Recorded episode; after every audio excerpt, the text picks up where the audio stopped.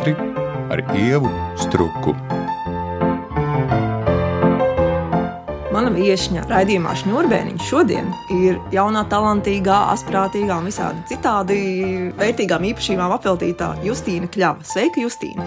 Labdien! Lielas paldies par brīnišķīgo pieteikumu! Es pilnīgi sakautrējos. Tava jaunākā pirmizrāde jaunajā Rīgas teātrī ir ar nosaukumu Desmit iemeslu apciemot kauci. Un atceroties no šī nosaukuma, es izdomāju, ka mūsu sarunai vajag iemeslus. Man nesnāca desmit, droši vien varētu, bet nu, raidījuma laiks ir ierobežots. Tādēļ es izdomāju trīs iemeslus, kādēļ tevi aicināt uz sarunu. Un tas pirmais iemesls ir tava pieredze kā teātris dramaturgam dēls teātrī. Jā. Tā bija ļoti spilgta. Pat no malas skatoties, no konkurējošā teātra, vērojot, ka, nu, jā, dēls teātris ir tā kārtīgi atspēries jaunā komanda, viņiem ir tik spēcīgs jaunais dramaturgs. Bet vienlaikus tomēr tā ir jau iegājusi finiša taisnē, un tu neesi vairs dēls teātrī.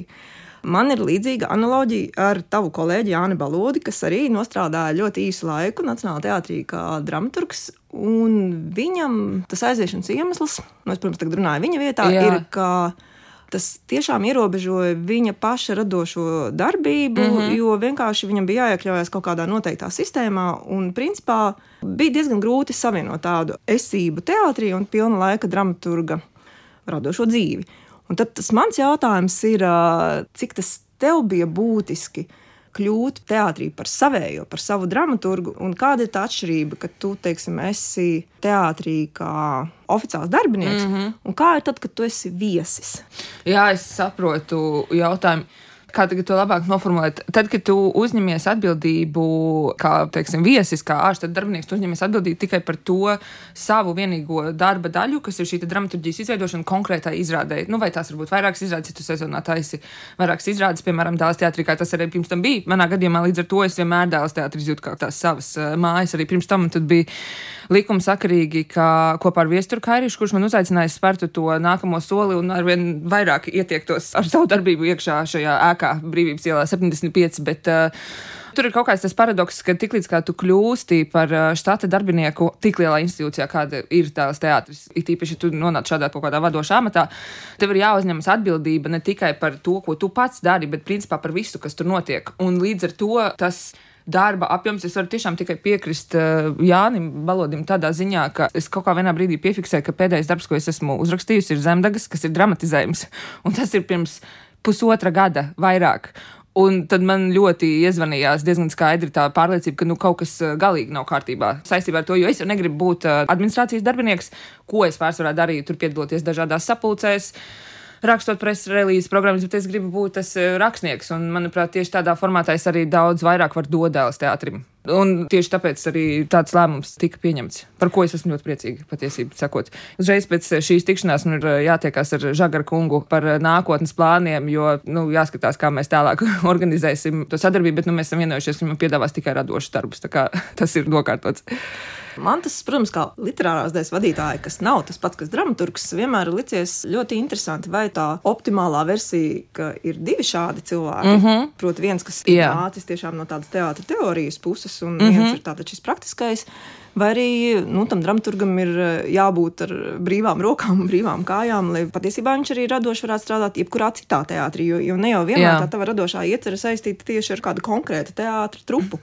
Bet līdz ar to man ir jautājums, šīs runas ir bijušas pietiekami daudz un pietiekami plašas arī no paša dramaturga puses, ka principā tiek zvanīti šie zvani, ja, ka Vācijā ir tā, mums Latvijā arī tā vajag, mums vajag šos štata dramaturgus. Bet tā realitāte nu, uh -huh. ir mhm. mazliet pretrunā ar tām vēlmēm. Kā tev pašā liekas, kāds ir tas optimālais modelis? Nu, tas ir ļoti, ļoti sarežģīts jautājums. Mēs tieši ar Evertu Melnāksnī, arī dramaturgu, vācu tipu dramaturgu, kuram mēs tā arī neatradām apzīmējumu mūsu teātra vēstneša apaļā galda sarunā. Mēs tieši diskutējam par šo, un tad viņš izteica tādu ļoti interesantu tēzi, kā par literārās daļas vadītāju, vai, teiksim, mēs viņu pārsaucām dēls teātrī par vadošo dramaturgu, ir jāstrādā cilvēkam, kuram vairāk ir sirdī tūst kuratora darbs un kurš ir gatavs uzņemties rūpes, kā literatūras nozarē būtu grāmatas redaktors, piemēram šāda tipa darbu. Un savukārt dramaturgam vajadzētu būt tam cilvēkam, kurš tiešām veidot visus dramatizējumus konkrētiem teātrim, kurā viņš ir štāta darbinieks, vai arī īsina, piemēram, visus tekstus, jeb kāda veida dramaturgiskā raksturā jautājumus palīdz risināt jebkuram režisoram, kurš tur strādā. Bet tas ir atkal, manuprāt, tāds koks ar diviem galiem, jo, piemēram, ja mums būs šāda štata pozīcija, un, piemēram, būs režisori, kuri paši reģiē savus tekstus, un tad nu, viņi to izjutīs, manuprāt, kā absolūts traucēklis, ja tur būs normāls kāds cilvēks, kurš nāks un teiks, bet, manuprāt, tev vajadzētu izņemt šo teikumu. Tas ir ļoti, ļoti sarežģīti. Un to sarežģītības pakāpi tiešām nosaka tas institūcijas lielums. Tāpēc, ka, nu, kā, nu, mazajos teātros, piemēram, tur neatkarīgajos, mēs vienkārši sarunājam kaut kādas lietas uz projektiem, un to mēs arī darām, bet man nav šobrīd nekāda praktiski risinājumi. Nu, vienīgais tas, ko es pati esmu izvēlējusies, ka tajā mirklī, kad viņi jūt, ka viņiem ir kaut kāda vajadzība, teiksim, ar kaut kādu konkrētu tekstu vai konkrētu iespēju, tad viņi droši var dot man ziņu, un es labprāt iesaistīšos. Bet mēs arī domājām, respektīvi, dāmas teātris, piedāvājums, viņa teica, ka būtu labi noformulēt to tā, ka man ir kaut kādas darba attiecības obligātas ar viņiem, bet tās nav štata darbinieks. Bet kas tas ir? Mēs neesam izdomājuši līdz šim brīdim. Tā kā laiks rādīs, jā, es nezinu, varbūt tev ir kaut kādas idejas.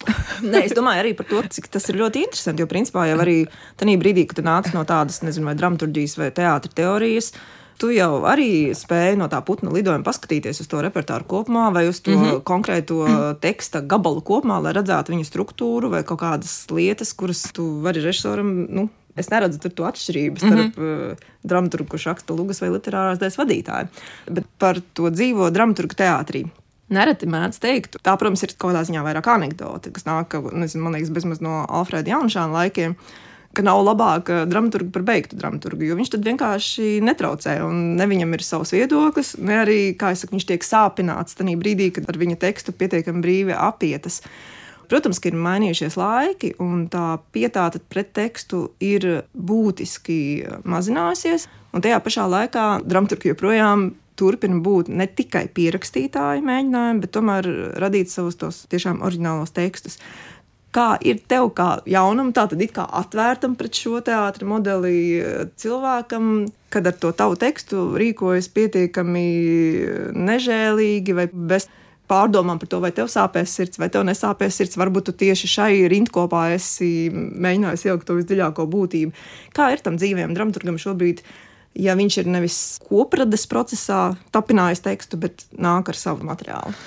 Jā, nu, es varu runāt tikai no savas personīgās pieredzes. Man liekas, ka man nav īsti bijis tāda situācija, ka man, man teiks, kaut kas ārprātīgi vai prātīgs tiek izdarīts, bet uh, tur vienmēr ir kaut kādi īsinājumi, mudinājumi kaut ko uh, pārrakstīt, uzlabot un tā tālāk. Bet man, manuprāt, vienkārši ir skaidrs uh, visiem iesaistītam, ka teātris ir kopīgs radīšanas process. Un līdz ar to tas gala darbs, ko mēs uztaisām, ir izrāde. Nevis tas teksts, ko es esmu uzrakstījis. Bet es kaut kā esmu vienkārši piegājusi ar tādu domu, ka, nu, labi, nu, mēs tur šo izsvītrosim, bet nu, es uzrakstīšu kaut ko citu vietā. Tas nekas to var izdarīt. Man liekas, nevajag.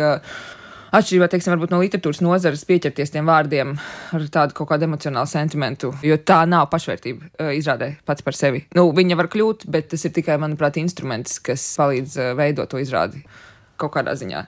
Redz, nu, tas, protams, skan ļoti pretīm nākoši pret režisoriem, bet tajā pašā laikā tas, kāpēc man gribas tieši tavus darbus izcelt, ka es tajos redzu to pašvērtību. Un šie ir darbi, kuriem patiesībā ir iespēja tomēr mm, visai liels potenciāls, ka tie no konkrētas teātris izrādes mierīgi var pārceļot uz citu teātri. Nezinu, pēc trīs gadiem neskriešu notikumiem pa priekšu, bet ir viens konkrēts darbs, ko es uzskatu, ka tas šodien varbūt ir pat vēl aktuālāks nekā tad, kad tas tika uzrakstīts.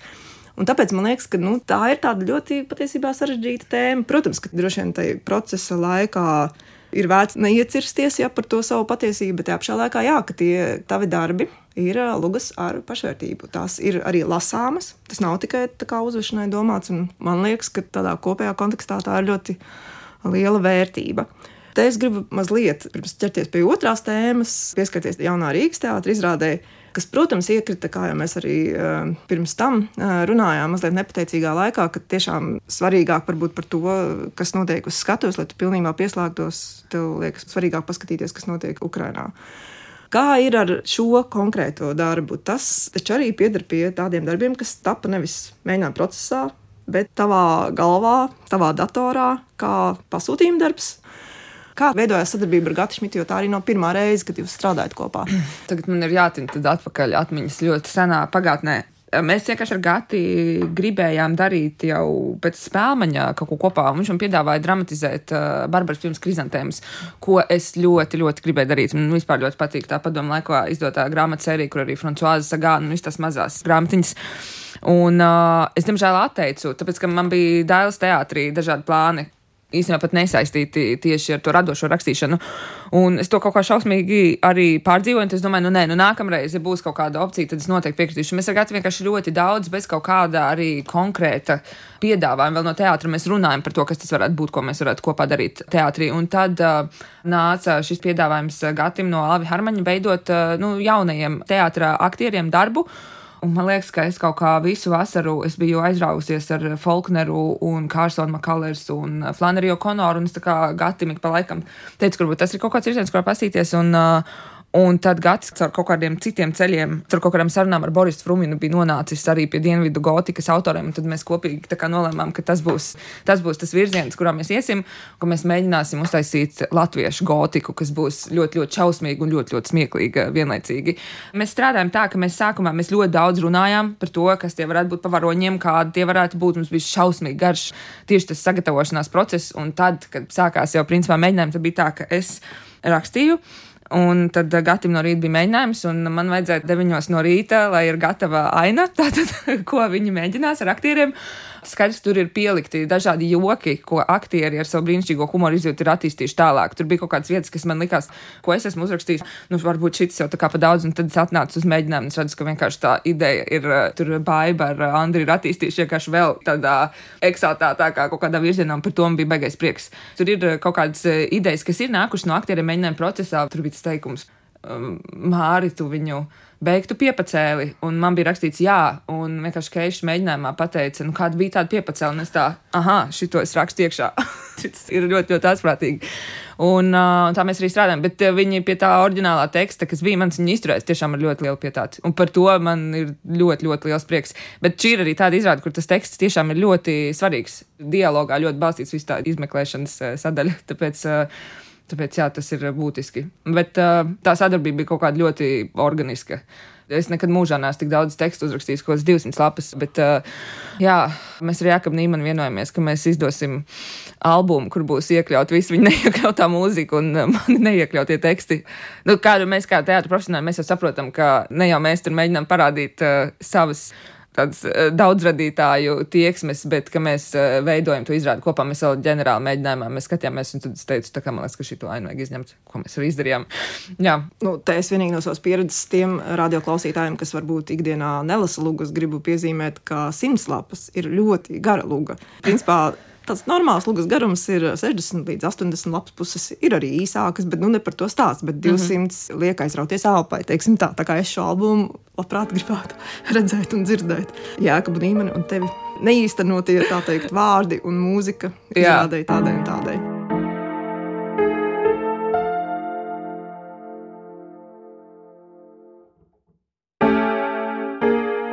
Jūs klausāties raidījumu Šņurbēniņa, mana viesņa dramaturģe Justīna Kļava.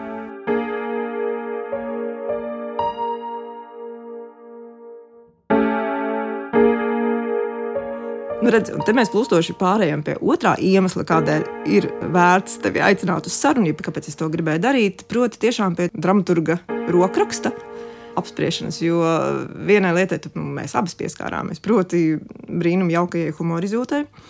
Bet par ko ir vērts domāt, un ko es gribētu pajautāt, kādēļ varbūt citiem tas neizdodas un kādēļ tev izdodas. Mūsdienu dramaturgijām ne tikai latviešu. Tas tiešām tā ir arī pasaulē. Ir ļoti maz lugu, kurās uz skatuves eh, tiek sapulcēts lielāks skaits cilvēku par trim vai četriem. Un viņi visi tiek pie vārda, un tas ir organiski. Un notiek eh, saruna, strīdi, intonācijai pat nav nozīmes. Jo pārsvarā šī brīža dramaturgijā ir dialogi vai arī monologi. Un, uh, es ļoti daudz par to esmu domājis, kāda ir tie iemesli. Tas mans izskaidrojums, bet es ļoti labprāt uh, uzklausītu arī tavu. Tas mans izskaidrojums, ka tā dramaturgu dzīves situācija ir uzlabojusies, un nevienam vairs nav problēma, Virģīnijas Vulfs vārdiem runājot, savu istabu. Un ka tiešām ir tā iespēja norobežoties vispār principā, no tās pasaules, un, un mēs nemākam sarunāties. Un labākā gadījumā mēs veidojam dialogus, tā kā to mēs darām arī šobrīd. Bet līdz ko parādās trešā, ceturtā, piektā persona, nu, tā ir tiešām liela problēma.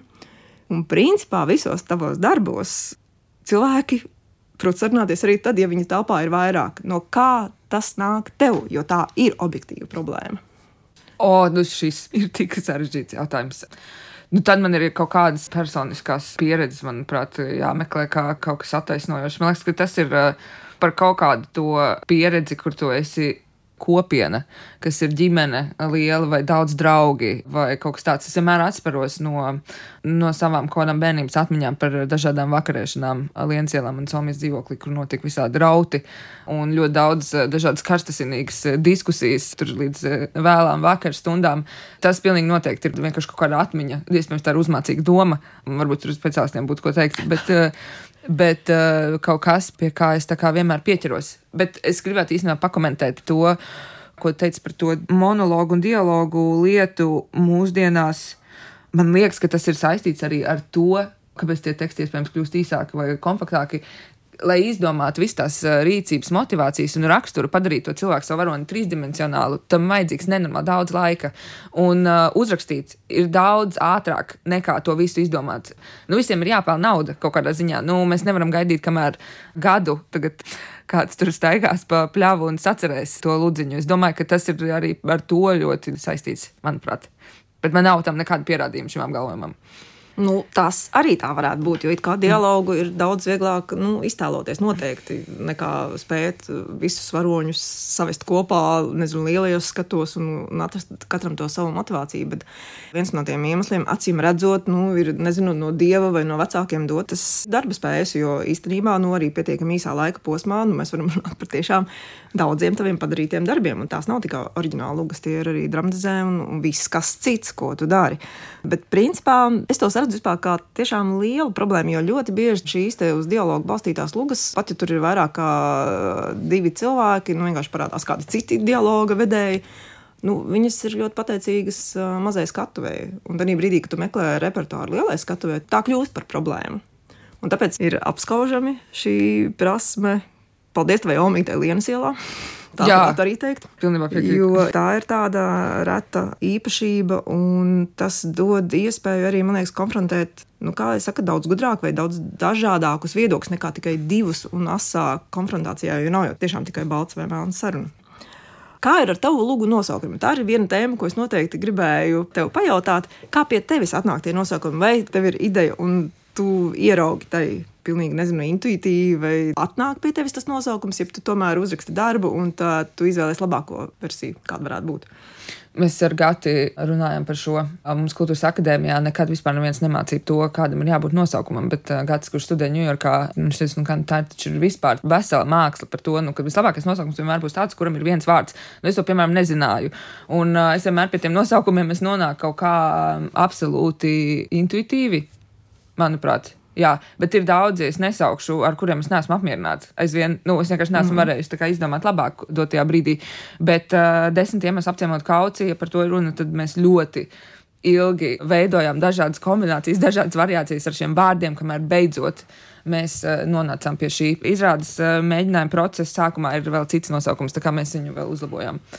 Nu, šis, protams, nav vienīgais, bet tad, ja Gatis Šmits saka, ka tā ir vesela skola, tad rodas jautājums, kādēļ viņš akceptē tik garu nosaukumu, kuru principā gan izvēlē man katru reizi jāapskatās lapiņā, kā sauc viņa jaunāko izrādi.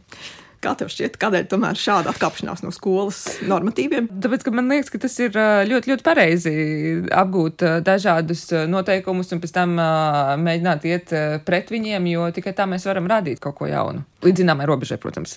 Bet, ja pavisam nopietni, protams, ne par pēdējo izrādes gribēju jautāt, es vairāk tiešām par citiem arī darbiem, sidraba šķidrums, dvēseļu, ūtenis. Proti, kur tiek apspēlēta nevis semantiska vai saturiska jēga, bet ka tu apspēlē tiešām to vai fonētisko vai leksisko skanējumu, kad notiek šī spēlēšanās. Es tieši par to domāju, cik lielā mērā tev tā spēle ir svarīga, ja tā arī ir kaut kāda apstākļu sakritība, ka pēc tam izmantot teiksim, kaut kādus esošus kultūras kodus. Tad man šeit uzreiz ir jāpasaka, lai novērstu, jūs zināt, kolēģi mm. klausās arī šo raidījumu, tad beidzot šis būs atrisināts, novērst jebkādas pretrunas. Dvēseļu utenis, sidrabs, šķidrums, tas bija triptiks domāts, trešā darbība paredzēta mēnesis maitiņa. Šo nosaukumu autori ir, es tagad baidos pateikt, vai tikai Jānis Strāzda vai Jānis ar klāvu kopā. Tur bija vēl dažādas mazliet mazāk cenzētas versijas, kuras es šeit neizteikšu, spēlēju ar vārdiem, bet uh, viņi pateica man, ka šis varētu būt izrādes nosaukums, un tad es izdomāju, kas tā varētu būt par izrādi. Tā tas notika. Nu, respektīvi, dvēseli utenis, un tad es uzreiz sāku lasīt dvēseli putenī, skatīties, kas tur ir. Sidraba šķidruma gadījumā tas pats bija ar sidraba šķidrautu, jo mums bija, protams, jāraksta projekti, Un vajadzēja arī pamatot to semantisko kaut kādu spēli un spēli ar kultūras kodiem. Un tad es strādāju ar to, bet pats tas eh, nosaukums tas eh, nāca no viņiem. Tur ir eh, viņiem milzīgs paldies jāpasaka tieši par šīm divām izrādēm. Es ceru, ka mēs uztaisīsim arī mēnesi maitiņu, kaut kā mēs esam jau pieauguši cilvēki. Varbūt mums vajadzētu bišķi nopietnāk skatīties uz lietām.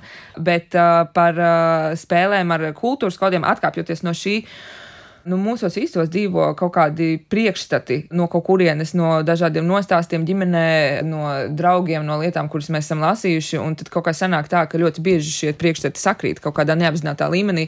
Un tad, manuprāt, ir interesanti spēlēties ar to, jo tas jau ir tikai priekšstats. Tam bieži vien nav nekāda sakara ar mūsu reālo dzīves pieredzi. Un tad, ja mēs varam rotaļāties ar to un tādā veidā pētot patiesībā, kas tur iekšā ir, tas, manuprāt, ir ļoti labs paņēmiens. Nu, redziet, tūlīt varēs atkal savukārt nepiesaukt kvadrifrona kolēģus, jo lutišķi un kauce tur, es domāju, tie ir tā kā brālēns ar māsītu. Jā, iespējams. Es īstenībā nebiju pati par to aizdomājusies, bet uh, man uh, šo pašu Pauli Pļauniece pateica pagājušajā nedēļā uh, vienā filmu izrādē. Jā, iespējams, bet tās ir žanriski pilnīgi dažādas izrādes. Bet uh, tematiski es domāju, ka viņas ir līdzīgas, jā. Mhm. Bet šādā veidā es, protams, arī nu, mēģināju izveidot tiltu uz to trešo tēmu, kur man tiešām daudz nopietnākā veidā liekas skarama šai sarunā. Proti par to, kas notiek pasaulē. Un man tiešām liekas, ka Lutišķi simtgade Lūga, kas tika rakstīta visticamāk speciāli Daugopils teātrim, tāpēc, ka tur arī tika iestudēta, un Paula Pļaunēts bija režisore, tā tappa simtgades gadā. Un eh, īsumā tiem, kas nezina, jāpasaka, ka nu, tā tad jauna režisora ierodas pašdarbības, jeb amatieru teātrī, tuvu pierobežai, kur dzīvo gan krievi, gan uh, latvieši, gan latgalieši, piedar pie dažādām ticībām, pie dažādiem dzīves uzskatiem. Lai tomēr vienotos vienā konkrētā mākslas darbā, proti, simtgadē par godu ar Sabiedrības integrācijas fonda atbalstu iestudētu Rāņu spēlē dancoju. Un, eh, kā piedarbojas traģikomēdijai, nekas pārāk labs viņam tur nesanāk, bet ir šī iespēja mēģināt uztaustīt un sajust tās atšķirības. Un tad, eh, jā, man liekas, ka tā ir arī šodien iestudējama luga. Un tā tiešām skar ļoti asu tēmu, kā sadzīvot eh, un vai var vienoties uz kaut kā bāzes. Un kas notiek brīdī, kad ir tā krīzes situācija? Vai tomēr tajā brīdī saprāts netiek nokts malā, un pēkšņi tev ieslēdzas kaut kādi tādi instinkti vai zemapziņas tieksmes, gan labā, gan arī sliktā nozīmē. Un tad būtībā, jā, man jautājums, tad visticamāk, tu arī ļoti daudz tur biji uz vietas, es pieņemu, un e, kāda ir tava sajūta, cik daudz tiešām mākslā ir iespēja veidot šo nevis formālo, bet dabisko integrāciju. Nu, tad man uzreiz ir e, jāpasaka par e, Lutišķu tieši gadījumu, ka pēc tam Es saņēmu vēstules no krievalodīgajiem skatītājiem. Tās bija ļoti, ļoti lielas pateicības pilnas par to, ka, jā, ka viņi tieši tā arī jūtās. Kā rātājos izrādē, un viena sieviete pateica, jā, ka jūs esat iedevusi man balsi uz skatuves. Un līdz ar to man šķita, ka tas ir ļoti labs rādītājs. Jo arī, kā mēs zinām, šī pati izrāde bija divās valodās. Īstenībā trīs latviešu arī bija ļoti, ļoti klātesoši jā, manuprāt, tas ir viens no veidiem, kā mēs varam uh, satikties. Jo, manuprāt, tikmēr, kamēr mēs realitātē esam kopā visdažādāko uzskatu vai tautību pārstāvji un um, mums notiek kaut kāda interakcija reālajā dzīvē.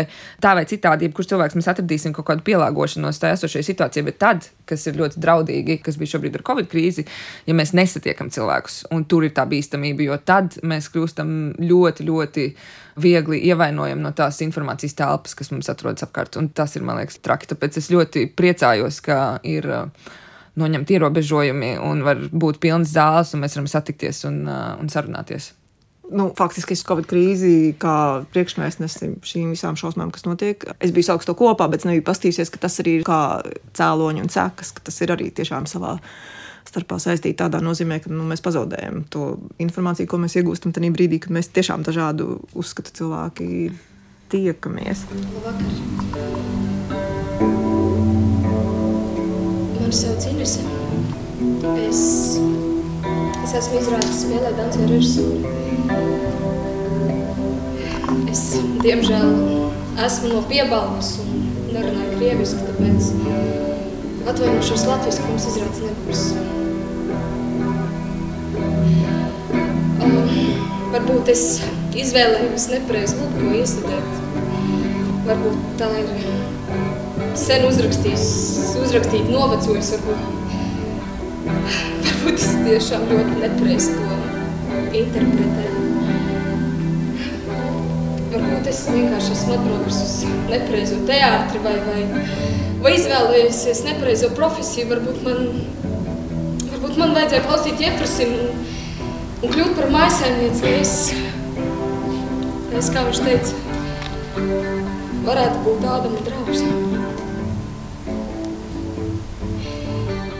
Var būt ļoti nepareizs fonds, pie ļoti nepareiziem nosacījumiem piešķīris naudu šim, šim iesudēm. Un varbūt tā vietā, varbūt tā vietā, lai, lai es par šo finansējumu rīkot šo izrādi, varbūt, varbūt man tā vietā vajadzēja izbūvēt kaut mazu ceļa gabaliņu no Rīgas un Lutišķiem, lai, lai Karina beidzot tos sokus un, un lai Sergejs pret tā bedrēm neapsistās velosipēda riebas. Bet varbūt, varbūt nav kaut kāda viena liela lieta, kas nepareiz. Varbūt tās ir tik daudz, tik daudz mazas lielas, mazas lietas, kas ir saplūdušas kopā un, un izveidojušās tādā lielā nepareizības masā. Un ziniet, kas ir visbriesmīgākais, ka mēs visi, mēs visi šīs nepareizības redzam. Es, jūs, Konstantīns, Jefrasins, Baņuta, Janīna, mēs, mēs visi tās redzam, bet mums, mums nav mazākās nojausmas, kā izdarīt tā, lai būtu pareizi. Mums tik ļoti gribas, lai būtu pareizi. Man tas ir? Paldies! Priecīgi Latvijas simt!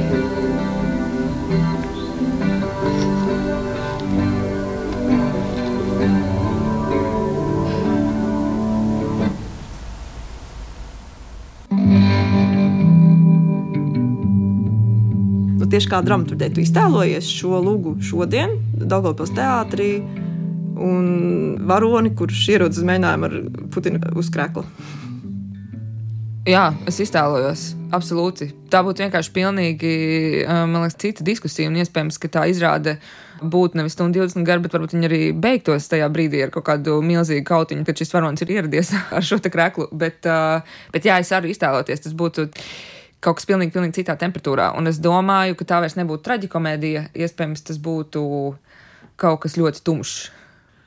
Nu, re, te mēs nonākam pie tā, ka Lutišķi simtgadēji ir paredzams garš skatus mūžs, jo principā viņi varētu iestudēt, un pēc pieciem gadiem atkal iestudēt, un tā tālāk. Tā, kā, tā tiešām bija tā tēma, par ko es neliekot tev filozofēt, ko tu kā dramaturgi vari darīt, lai apturētu karu. Bet jā, es gribēju pieskarties tieši šim konkrētajam tavam darbam, jo man liekas, ka tas ir ļoti vērtīgi, ļoti būtiski, un ļoti būtiski patiešām par to bija runāt Daugopilī, nevis, nu, nevis Valmieras teātrī. Kaut arī, protams, es domāju, ka ir kaut kas, kas šo darbu ļautu arī jebkurā būtībā, vietā un laikā spēlēt arī nezinu, ārpus Latvijas robežām. Tādēļ, ka nu, tur ir tā sava pašvērtība, par ko es arī gribēju te pateikt paldies tevis rakstītajos darbos. Tā kā es varu tikai novēlēt nākamo šo sarunu pēc šīs radošu, lai izdodas vienoties par to, kas taps dēls teātrī. Un paldies, ka tu atnāci uz šņurbēniņiem. Milzīgs paldies par uzaicinājumu. Es esmu vispār radioklasikas absolūts fans un arī šņurbēniņu pielūdzējis. Tā kā man ir ļoti liels prieks un paldies par labiem vārdiem. Nu, re, sanāca arī radioklasika reklāma. Tātad jūs klausījāties raidījumu šņurbēniņi. Mana viesne bija dramaturģija Justīna Kļava. Ar viņu sarunājās Ieva Struka, raidījuma producente Sandriņa Zvecka. Šņurbēniņi par teātri